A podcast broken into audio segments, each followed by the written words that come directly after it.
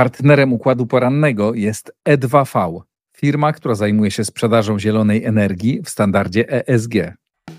Komisja Europejska pod naciskiem protestów rolników wycofuje się z zakazu stosowania pestycydów, ale nie z polityki klimatycznej Unii Europejskiej.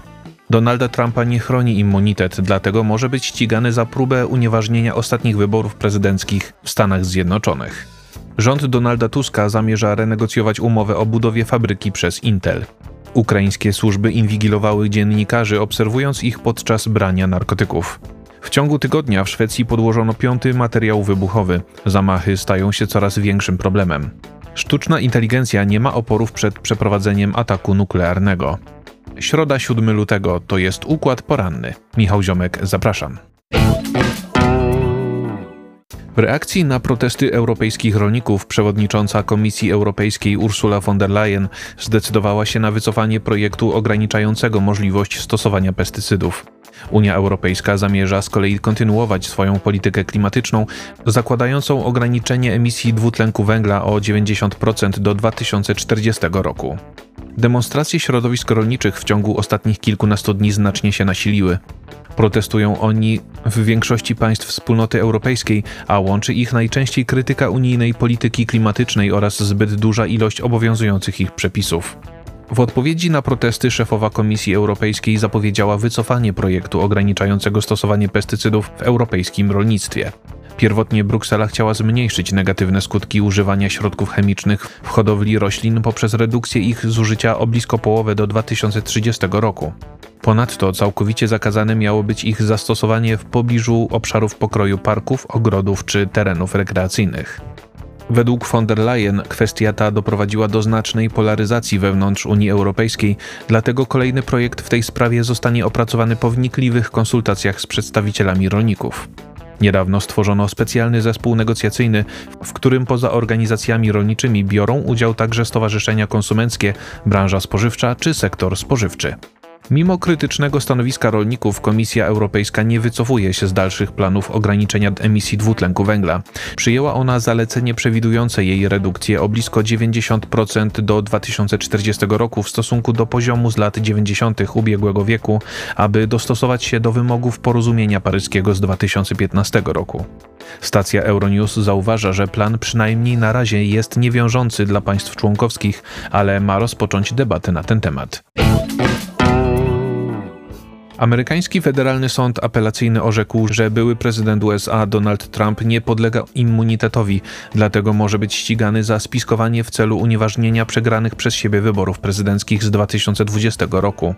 Jego obrońcy uważają, że w ten sposób każda głowa państwa po zakończeniu urzędowania może od razu trafić przed wymiar sprawiedliwości. Trump jest podejrzewany przez specjalnego prokuratora Jacka Smitha o próbę obalenia zwycięstwa Joe Bidena i oszustwo mające zapewnić mu kolejną kadencję.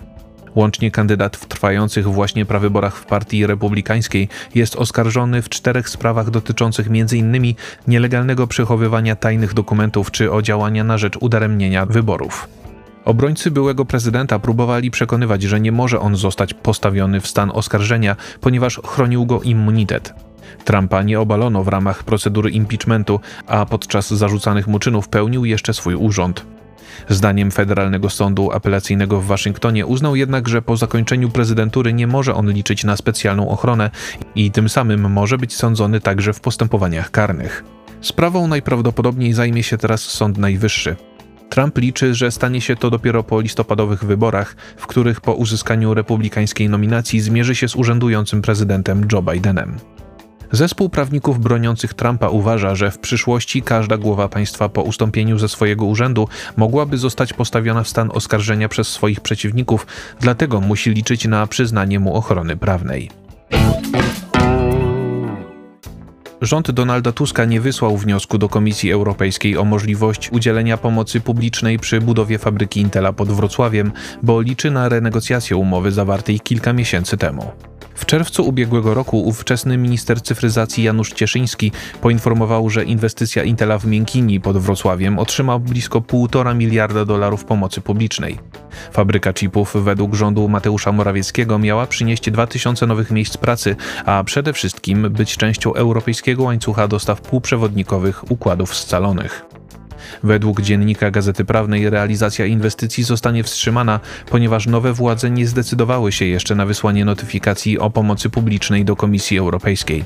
Rządzący liczą, że uda im się renegocjować umowę dotyczącą utworzenia zakładu integracji i testowania półprzewodników, tak aby amerykański koncern zainwestował większe pieniądze w rozwój polskiej nauki.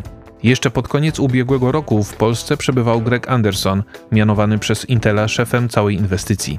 W rozmowie z Money.pl zapewniał, że jego firma uważa budowę zakładu na Dolnym Śląsku za sprawę priorytetową, dlatego liczy na kontynuację współpracy w tej kwestii. Dziennikarze zarzucają Służbie Bezpieczeństwa Ukrainy prowadzenie inwigilacji ich środowiska. Około 30 funkcjonariuszy miało zostać zaangażowanych do śledzenia jednej z redakcji, którą podejrzewano o zamawianie narkotyków.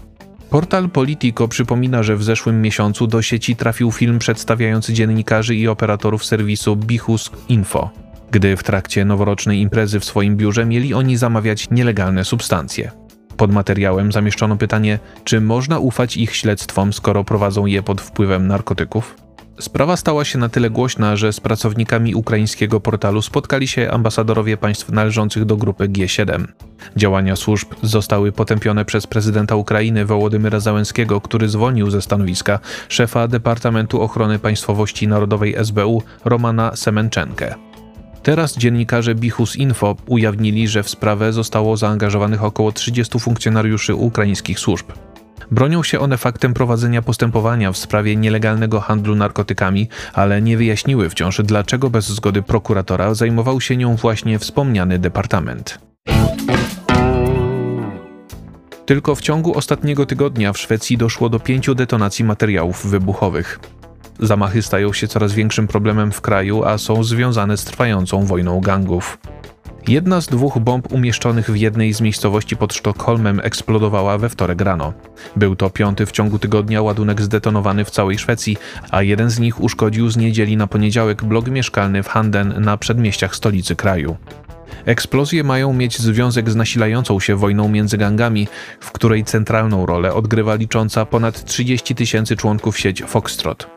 To właśnie pod adresem należących do niej osób doszło do wybuchów. To nie jedyny trwający obecnie konflikt między grupami przestępczymi.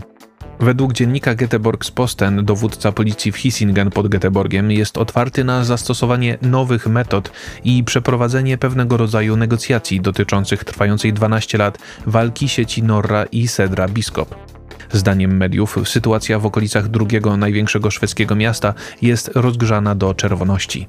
Tylko w ubiegłym roku w Szwecji odnotowano dokładnie 149 zamachów bombowych, a funkcjonariuszom udało się zarekwirować łącznie 10 ton materiałów wykorzystywanych przez przestępców.